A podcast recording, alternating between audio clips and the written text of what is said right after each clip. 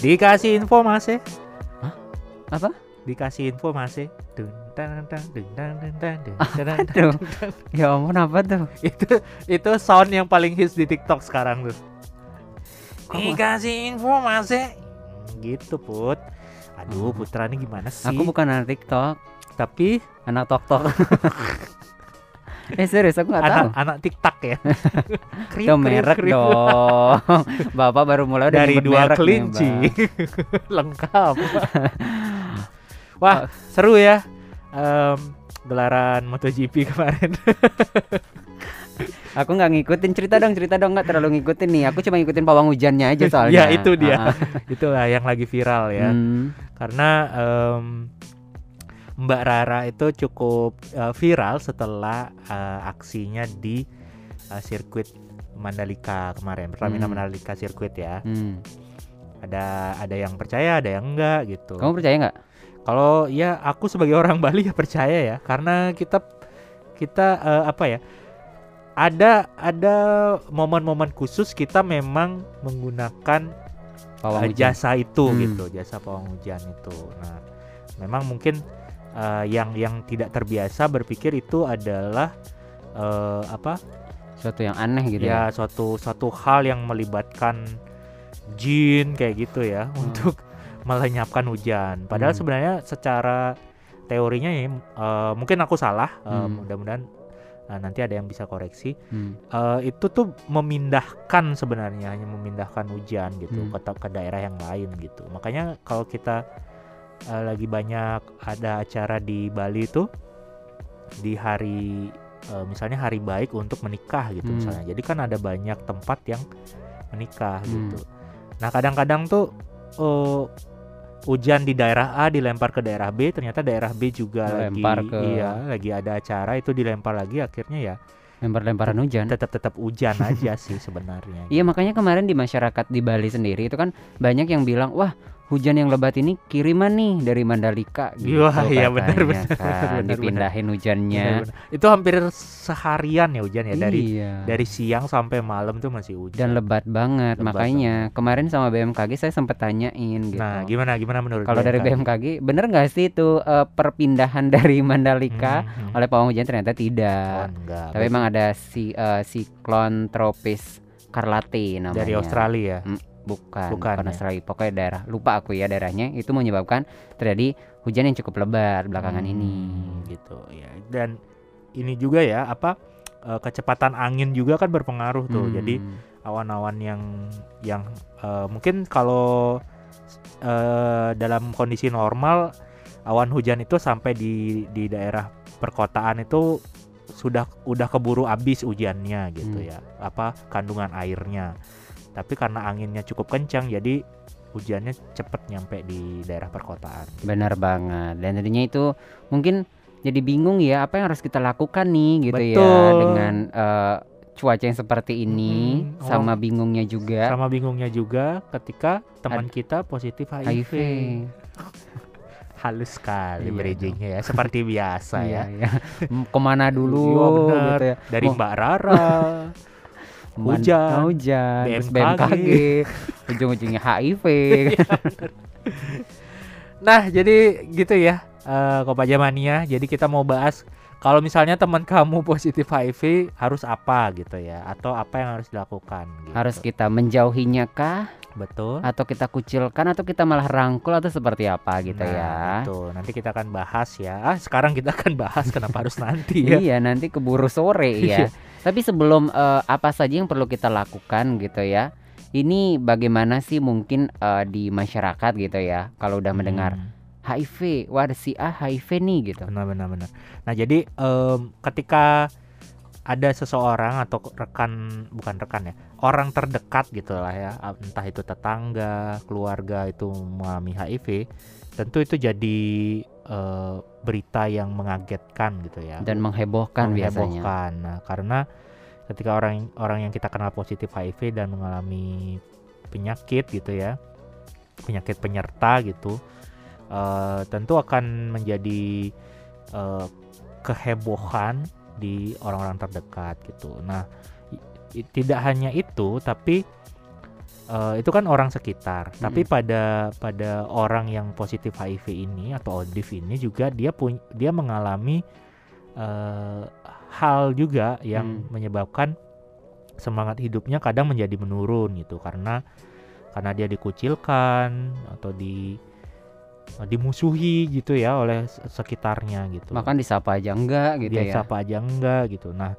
hal ini secara langsung maupun enggak langsung dirasakan juga oleh kita yang mengenal dan dekat dengan orang tersebut gitu. Hmm. Jadi kita aw- awalnya punya teman dekat, terus teman kita positif HIV, dia pun juga nggak nggak ak- mengira kan eh, di- dirinya akan positif gitu. Nah itu yang membuat dia jadi down, jadi eh, drop semangatnya gitu. Nah kadang kita juga merasakan apalagi kalau misalnya itu teman dekat gitu. Hmm.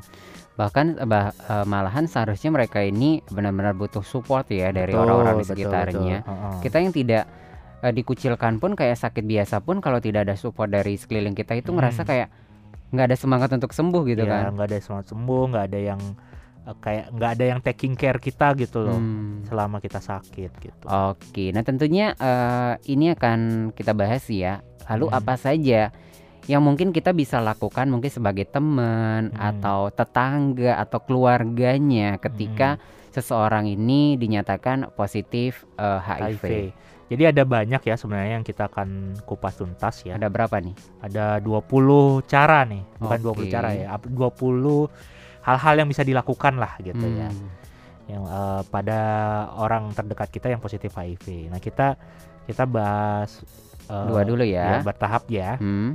Yang pertama itu kalau misalnya tem eh, kalian tuh berteman, jadi jangan menjauh, tetap menjadi temannya, terutama di saat eh, seperti ini. Hmm.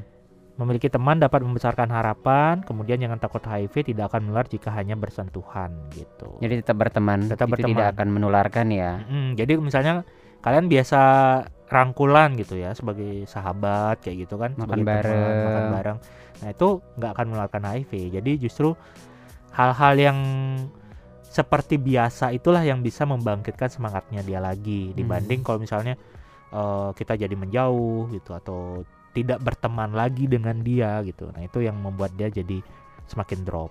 Oke, mungkin HIV ini tidak seperti COVID-19 ya, Mm-mm. dengan sekedar kita ngobrol atau bersalaman langsung tertular gitu. Nah, COVID-19 pun kalau misalnya kita pakai masker, kemudian menjaga kebersihan atau cuci tangan selalu gitu, itu pun kecil eh, apa namanya kemungkinan untuk tertularnya kan.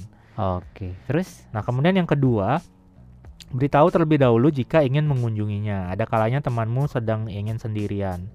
Jangan Hmm. sengaja menelpon dan berkunjung lagi di lain waktu. Pengertian dari seorang teman besar eh, pengertian dari seorang teman besar sekali artinya buat mereka gitu. Jadi kalau misalnya mau eh, main ke tempatnya dia, mungkin kabarin dulu ya. Aku jangan, mau ke sana hmm, nih. Jangan-jangan gitu ya. tiba datang, jangan-jangan eh jangan tiba-tiba datang.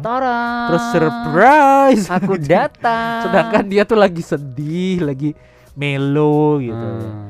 Nah, mungkin dia kadang tuh orang yang lagi melo tuh kan pengen sendirian. Sendiri ya. Nah, nah bukannya itu, direcokin datang gitu. apalagi datang-datang curhat waduh bukannya jadi semangat jadi teman curhat ya konnichiwa wakamono no minasang コパジャプログラムでドドユダとジョニプトラを聞くのを忘れないでね。毎週火曜日28.9で放送します。教育的なだけでなく面白いです。ありがとう。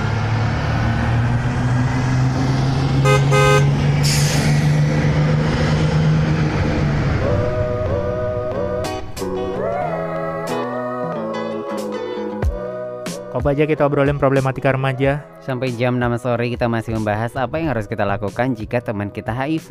Betul. Jadi yang berikutnya itu jangan ragu menanyakan kondisi kesehatan temanmu, tapi tetaplah peka. Mungkin ia ingin bercerita padamu, mungkin juga enggak. Terus pertanyaanmu menunjukkan perhatianmu tetapi jangan memaksa gitu. Jadi Hmm. misalnya kayak eh, Gimana tuh? Agak bingung nih aku nih. em, misalkan kita nanya nih, Hmm. kamu udah makan gitu. Eh, Belum. apa belum gitu Hmm. misalnya. Makan dong, kamu nanti kamu ini ini. Nah, itu kan kayak kita Oh. memaksa dia untuk makan. Mungkin aja dia saat itu lagi eh, nggak selera makan karena kalau misalnya dia lagi terapi ARV awal-awal, Hmm. tentu itu akan uh, ada ada efek samping gitu ya. Oh. Nah, itu agak bergejolak sedikit tuh di bagian pencernaan gitu. Jadi mungkin kita terus kita bilang apa ya enaknya ya? Nah, ini sebenarnya kan eh, bahasa sahabat ya. Jadi eh, yang tahu tuh sebenarnya antar sahabat aja gitu. Oke, Misalnya saya salah tanya berarti ya. Iya misalnya karena misalnya kalau aku memberikan satu guideline gitu ya, belum tentu itu works ke temennya gitu, ke Oke, teman kamu. Misalnya kamu punya sahabat kan Put, kalau aku bilang Put nanti gini aja, belum tentu itu works ke teman kamu. Oh iya, karena sahabatku sukanya diginiin gitu Ya, misalnya betul. ya. Oh, yang, Oke. yang tahu kan sahabatnya gitu. Kemudian yang berikutnya ajak teman kamu jalan-jalan dan melakukan aktivitas yang biasa eh, kalian lakukan, tapi hormati keterbatasan keterbatasan eh, fisiknya gitu. Misalnya dia eh, selama ini kalian sukanya nonton gitu, ya udah nonton aja gitu. Hmm, Non- jangan diajak lari-lari gitu ya pas nonton. Enggak gitu Hmm. ngapain Put? nonton itu masuk bioskop duduk Ya, bukan siapa tahu kan lari-lari. waktunya dimepetin gitu datangnya. Ayo cepat Oh, biar kamu gitu. sehat. Ayo. Gitu. Enggak gitu juga sih ya. nah itu bisa ya misalnya kalau biasa eh, jalan-jalan atau kulen- kulineran gitu ya ya lakukan aja seperti biasa gitu terus hormatin juga keterbatasan-keterbatasan fisiknya misalnya dia lagi mengurangi makanan yang pedas gitu ya Hmm. nah berarti itu kan kita tidak bisa apa mengajak dia makan yang pedas gitu Hmm. karena ya itu itu itu lagi ka- kalau misalnya dia lagi eh, lagi drop gitu ya eh apa antibodinya menurun Hmm. gitu dia kan tentu gampang eh, sakit gitu jadi kalau misalnya dia eh, makan yang pedas itu kan bisa memicu diare Hmm. semacam itulah gitu Jadi kita harus memahami juga kondisinya dia Ah, ya. ah, tanya aja ke dia gitu misalnya kamu mau makan, Makan apa? apa? gitu atau lagi lagi pengen makan apa Kalau aku ditanya aku pengen makan kamu. wow teman makan teman ya Terus terus eh, jika temanmu sedang dirawat di rumah sakit tawarkan diri untuk menggantikan keluarga pasangan atau orang yang sedang menjaganya. Mereka juga perlu istirahat dan keluar untuk mencari udara segar. Nah ini penting nih. Hmm, kalau ada orang sakit biasanya kan yang nungguin keluarga kan? Keluarga atau orang terdekat gitu. Nah sedangkan mereka juga perlu istirahat sebenarnya tidak bisa full. Nah bolehlah sesekali gitu kita menawarkan diri untuk gantian jaga Hmm. gitu. Ya nggak nggak seterusnya kita kan juga punya aktivitas lain ya kita punya keperluan lain tapi setidaknya itu bisa membantu juga gitu hmm. misalnya keluarganya kan perlu juga mereka bekerja gitu ya kalau nggak bekerja kan nggak bisa membayar perawatan Hmm. eh, teman kamu gitu kayak Oke, dan karena terkadang juga kan eh, keluarga yang jaga habis si pasien sembuh yang jaga malah ngedrop gitu. nah itu sering terjadi tuh Hmm. jadi eh, nungguin pasien eh, Eh, penunggunya jadi juga jadi pasien. pasien. Gitu tuh. Terus terus? Terus em, ngobrol gitu ya Eh, ngobrol juga eh, baik untuk kesehatan. Bicarakan hal-hal ringan dan menarik. Mungkin temanmu sudah bosan membicarakan penyakit obat dan dokter gitu ya jadi membicarakan berita yang sedang hangat dapat mengurangi rasa terisolasi dari dunia luar atau ajak gibah gitu ya. contohnya ya Mbak Rara pawang hujan Atau enggak awali eh tahu nggak sih? Ah, kan gitu. kamu udah lama nih nggak ke kantor kan. Nah gitu tuh, itu bisa tuh. Jadi kayak eh, apa mood booster gitu ya, Hmm. membicarakan hal-hal yang menarik gitu, yang Hmm. yang sebelumnya kita ngomongin obat eh, apa obat yang harus diminum ini, konsultasi ke dokter harus di tanggal ini gitu. Nah, Hmm. jadi bisa refresh sejenak gitu. buat obrolan-obrolan ringan gitu lah ya. Betul. Terus lagi sebelum jeda. Terus eh, jika ngobrol dirasa bosan dan membuat teman kamu lelah, duduk bersama sambil mendengarkan musik, membaca atau sekedar menikmati suasana sekitar juga baik dilakukan gitu. Jadi banyak perasaan yang dapat ditunjukkan walau tanpa kata-kata gitu. Hmm. Bisa dengerin musik, denger apa baca-baca buku gitu. Kadang baca buku bareng tuh seru loh gitu. Jadi kita kita sibuk dengan buku kita masing-masing gitu Hmm, atau dibacakan mungkin. dibacakan oke juga cuman kayaknya uh, feel-nya nggak dapet cuman ya tergantung selera sih ya ada Hmm. juga yang suka dibacain Atau mungkin dibacain ada ketuturan satu. gitu. wow menku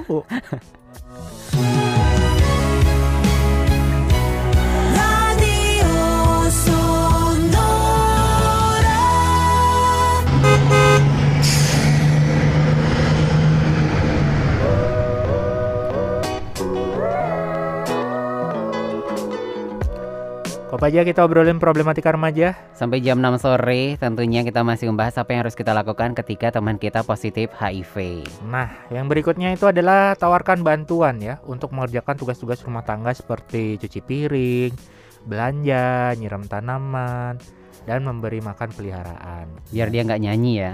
Maksudnya? Masak, masak sendiri. Au. Awe, awe. Nah, bantuan itu akan sangat dihargai mungkin lebih dari yang kita kira, tapi jangan mengerjakan apa yang masih ingin atau bisa temanmu kerjakan. Lebih baik tanyakan terlebih dahulu apa yang bisa kita bantu gitu. Nah, Hmm. misalnya kayak eh, dia tuh masih bisa melakukan hal-hal yang yang seperti biasa gitu. Hmm. Misalnya kayak ya cuci piring itu dia masih bisa, Mungkin angkat galon agak belanja berat ya, gitu angkat, ya. angkat yang yang terlalu berat gitu kita bisa bantu atau misalnya kadang kan eh, kondisi orang yang HIV itu macam-macam ada yang dia eh, baru saja terinfeksi gitu Hmm. kondisinya masih bagus antibodinya masih bagus ya dia akan normal aja seperti orang lainnya Angkat gitu. galon pun masih kuat gitu masih ya. kuat ngapain pun masih kuat gitu Hmm. ya nah tapi ada juga yang sudah eh, apa ada penyakit penyerta infeksi oportunistik gitu nah bi- biasanya itu akan menyita banyak energinya dia gitu dia harus Hmm. beristirahat kadang harus bed rest gitu ya Hmm. nah kondisi-kondisi yang semacam itulah yang memerlukan bantuan kita sebagai teman atau sahabatnya gitu Terus selanjutnya? Kemudian eh, jika ingin membawakan makanan, nah tanyakan dulu apa yang boleh dan tidak boleh dimakan. Kemudian nikmati saat makan bersama-sama gitu. Yang kayak tadi aku bilang gitu. Iya. Misalnya dia eh, dokter meng- tidak menganjurkan dia makan makanan yang pedas atau yang Hmm. bisa memicu diare kayak gitu. Hmm. Nah berarti kan tidak mungkin kita bawakan rujak eh, viral atau atau, bakso ayam mercon, iya, atau ayam geprek. geprek, level 5 lagi dibawain. Aduh. Itu bukan temen namanya. Iya, walaupun sudah ada di Paris gitu ya. Hah? Berlenggak-lenggok di Paris Fashion Oh. Week. Oh, ayam itu. Kan geprek kan. Iya kan. Nah, terus selanjutnya eh, kita dapat mengajak temanmu berdoa, jangan ragu membagi harapan dan rasa optimis kalian. Kemudian agama bisa menjadi hal yang sangat penting pada saat seperti ini gitu. Hmm. Jadi tetap jangan lupa berdoa ya pada Tuhan. Hmm. Kemudian sekali-sekali ucapkan aku sayang padamu dalam bentuk verbal atau non verbal. Nah, bisa menggunakan kartu ucapan, buket bunga, kue dan yang lainnya sekreatif kalian. Nah, biasanya kalau yang verbal ini antar cewek nih gampang gitu ya, lebih lebih biasa gitu ya. Kalau antar cowok mungkin yang agak eh, risih gitu ya. Tiba-tiba dibawain bunga. Enggak, gitu. Oh. ngomong langsung. Oh, ngomong. Oh, secara verbal Oh, bilang verbal. "Eh, aku sayang Aku sayang kamu. Oh, serius. gimana gitu ya mungkin kalau yang memang apa memang punya kedekatan secara intim ya itu bukan hal yang Hal yang masa- biasa uh, gitu bukan ya. hal yang oh, bukan masalah ya oh, baik eh, berlawanan jenis atau sesama jenis gitu Hmm. nah tapi yang tidak punya kedekatan secara intimate gitu ya itu mungkin agak agak risih gitu Hmm. nah bisa dengan hal-hal lainnya ya bisa kartu ucapan kue gitu misalnya gitu tanpa ditulis kata-kata pun itu sudah menandakan kamu sayang banget sama dia gitu. Apalagi bawain kue yang memang kue kesukaannya Betul, banget betul. gitu ya. kayak Putra misalnya dia suka kue apem yang gosong gitu misalnya dan tingkat kegosongannya harus hitam di bagian bawahnya Oh gitu. di oh rasanya tuh le- apa ya? Kalau bahasa Bali nyangluh. pahit pak Wah itu luar biasa kalau yang bawain itu ya. ya terus eh, untuk mengurangi rasa bosen kalian bisa bawakan bacaan yang menarik atau permainan yang bisa dimainkan sendiri atau bersama-sama gitu. Main Uno gitu main misalnya Uno ya. atau main PS itu ya itu Hmm. kan eh, banyak yang orang suka tuh main PlayStation Kecuali saya mungkin. atau main Free Fire, Hmm. Mobile Legend gitu ya. Welcome to Mobile, Mobile Legends. Legend. Wow.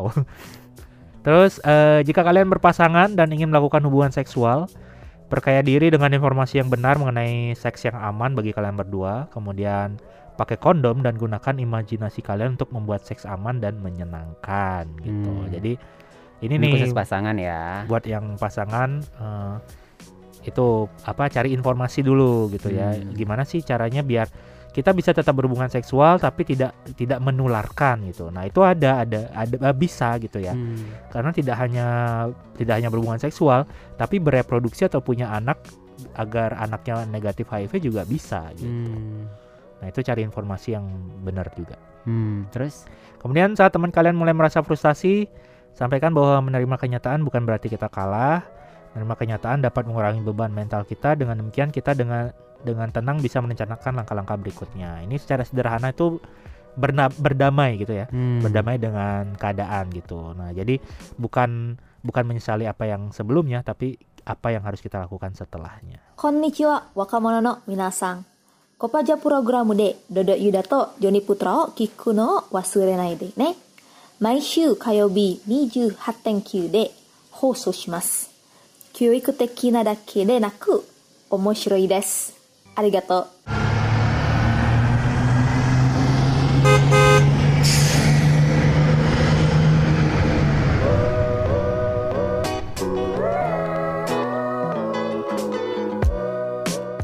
Dodo Yuda Joni Putra di Kopaja kita obrolin problematika remaja. masih ngobrolin apa yang harus dilakukan kalau teman kita HIV positif ya. Yes, tadi udah banyak banget kita bicarakan sampai berapa cara ya itu. Oh, ada 15 lah. Berarti masih lima ya. Mm-mm. Kita langsung rampungkan nih lagi lima. Betul. Jadi eh, yang selanjutnya jangan sampai teman kalian dan para pendampingnya merasa dikucilkan. Bantulah mereka mencari informasi dan layanan atau dukungan yang dibutuhkan. Nah ini penting nih. Eh, yang lain penting juga, yang ini Hmm. penting juga gitu ya. Jadi kalau orang yang positif HIV itu sering kali mengalami diskriminasi. Nah, Hmm. diskriminasi atau dikucilkan gitu tuh hampir mirip tuh. Hmm. Nah, jadi bantu mereka cari informasi dan layanan atau dukungan yang dibutuhkan. Jadi eh, tidak lagi eh, merasa dikucilkan gitu. Hmm. Sedangkan layanan-layanan di zaman sekarang itu sudah sangat gampang sekali dan beberapa layanan juga sangat ramah sekali dengan eh, ODA ya atau Hmm. ODIF gitu. Kemudian yang selanjutnya ada kalanya teman kalian akan marah tanpa alasan yang jelas. Jadi jangan kecil hati karena hal tersebut. Ingat kadang rasa frustasi lebih mudah ditumpahkan pada orang yang dekat dengan kita karena sebenarnya kita mengharapkan pengertian. Benar tuh. Iya biasanya orang terdekat tuh bisa kena imbas ya. Betul. Misalnya dia emosi eh, karena masa karena suatu masalah gitu. Nah, yang karena kita yang paling sering ketemu atau kita yang paling deket sama dia gitu. Jadi kadang kita kena Semprot. semprot gitu. Ya udah jadi ya kalau kita sakit hati wajar gitu ya namanya juga manusia, tapi jangan kecil hati gitu. Jangan jangan karena hal tersebut kamu jadi musuhin dia gitu. Mungkin kita bisa berpikir, wah mungkin aku emang orang yang paling dekat sama dia gitu, Gitu, makanya ah. di kena imbas nih gitu ya. Nah, karena kita paling deket, eh, kamu juga punya apa ya? Punya peranan untuk mengklarifikasi sebenarnya ada apa. Apakah Hmm. itu memang murni salah kamu atau bukan? Gitu. Kalau Hmm. memang murni salah kamu ya ting- kita tinggal perbaiki gitu. Kemudian eh, bicaralah mengenai masa depan seperti besok, minggu depan, tahun depan dan lain-lain. Jadi berpandangan ke depan adalah sikap yang menyehatkan dan harapan dapat jadi fokus penting di saat seperti ini gitu. Jadi jangan flashback terus. Hmm. Eh, nggak usah lagi kita balik ke belakang Coba terutama- kemarin nggak gitu gitu. ya semacam itu jadi kayak menimbulkan penyesalan gitu Hmm. nah jadi eh, mulai ngobrol tentang eh minggu depan kita eh, melakukan ini yuk gitu misalnya Hmm. jadi kayak ada suatu cita-cita di masa depan gitu Hmm. tidak harus yang dalam jangka panjang bisa yang pendek-pendek misalnya besok atau Hmm. minggu depan gitu Terus Kemudian bersikaplah positif dan tularkan sikap ini ke orang-orang di sekitar kalian. Terus do- doronglah teman-teman kalian itu untuk mau mengambil keputusan sendiri. Jadi penyakit dapat membuat seorang kehilangan kontrol pada banyak aspek kehidupan. Jangan mematahkan semangatnya untuk membuat keputusan, sederhana apa pun keputusan itu gitu. Jadi misalnya kayak apa ya? Memutuskan untuk berkonsultasi, berkonsultasi ke dokter siapa gitu. Nah, Hmm. itu dia sudah harus bisa memutuskan sendiri gitu. Hmm. Jadi bantu dia dorong dia untuk eh, bisa memutuskan. Nah, kalau sebelum-sebelumnya kan selalu ada rekomendasi kan. Hmm. Sebaiknya ke dokter ini aja. Kamu harusnya ke dokter itu gitu. Jadi itu kan eh, keputus atau ke pilihan dari orang lain gitu. Nah, sekarang tuh sudah waktunya dia memutuskan sendiri. Kemudian terakhir jangan lupa jaga diri kalian juga. Perhatikan perasaan kalian, bagilah duka cita, rasa marah dan tak berdaya atau perasaan apa saja yang sedang dirasakan baik dengan orang yang dipercaya ataupun dengan organisasi dan lembaga dukungan terkait HIV AIDS yang ada. Jadi hmm, jaga diri ini maksudnya kalian juga jangan sampai lupa pencegahan penularan HIV gitu ya. Hmm. Jadi kalau misalnya eh, apa kita kan dekat sama teman kita gitu, Hmm. tapi kita juga harus tahu eh, cara mencegah HIV gitu biar jangan sampai kita sudah apa kita temenan tapi kita ketularan gitu karena kita tidak tidak tahu cara mencegahnya. Nah, misalnya kalian juga misalnya kalian bingung gitu ya dengan hal tersebut, kalian cari aja informasi ke lembaga-lembaga yang eh, apa fokus di bidang dukungan terkait HIV dan AIDS. Itu ada banyak banget ya di setiap daerah kayaknya ada. Jadi nggak usah khawatir, apalagi di kota-kota besar gitu. Hmm, salah satunya bisa ke Ubud ya. Bisa juga untuk berkonsultasi gitu ya. Gimana? Walaupun, kita tidak bisa mendampingi. Oke. bisa langsung ke sosial media aja di Instagram @ayubud, eh, Twitter juga @ayubud, Facebook juga. Bisa juga di www.ayubud.org. Atau dengarkan terus aja ya setiap Selasa dari jam 5 sampai jam 6 sore di Kopaja kita obrolin problematika remaja. Ketidaksempurnaan hanyalah milik kami berdua karena sempurna hanyalah milik Andra and the Backbone. Selamat sore dan sampai jumpa. Bye. Oke.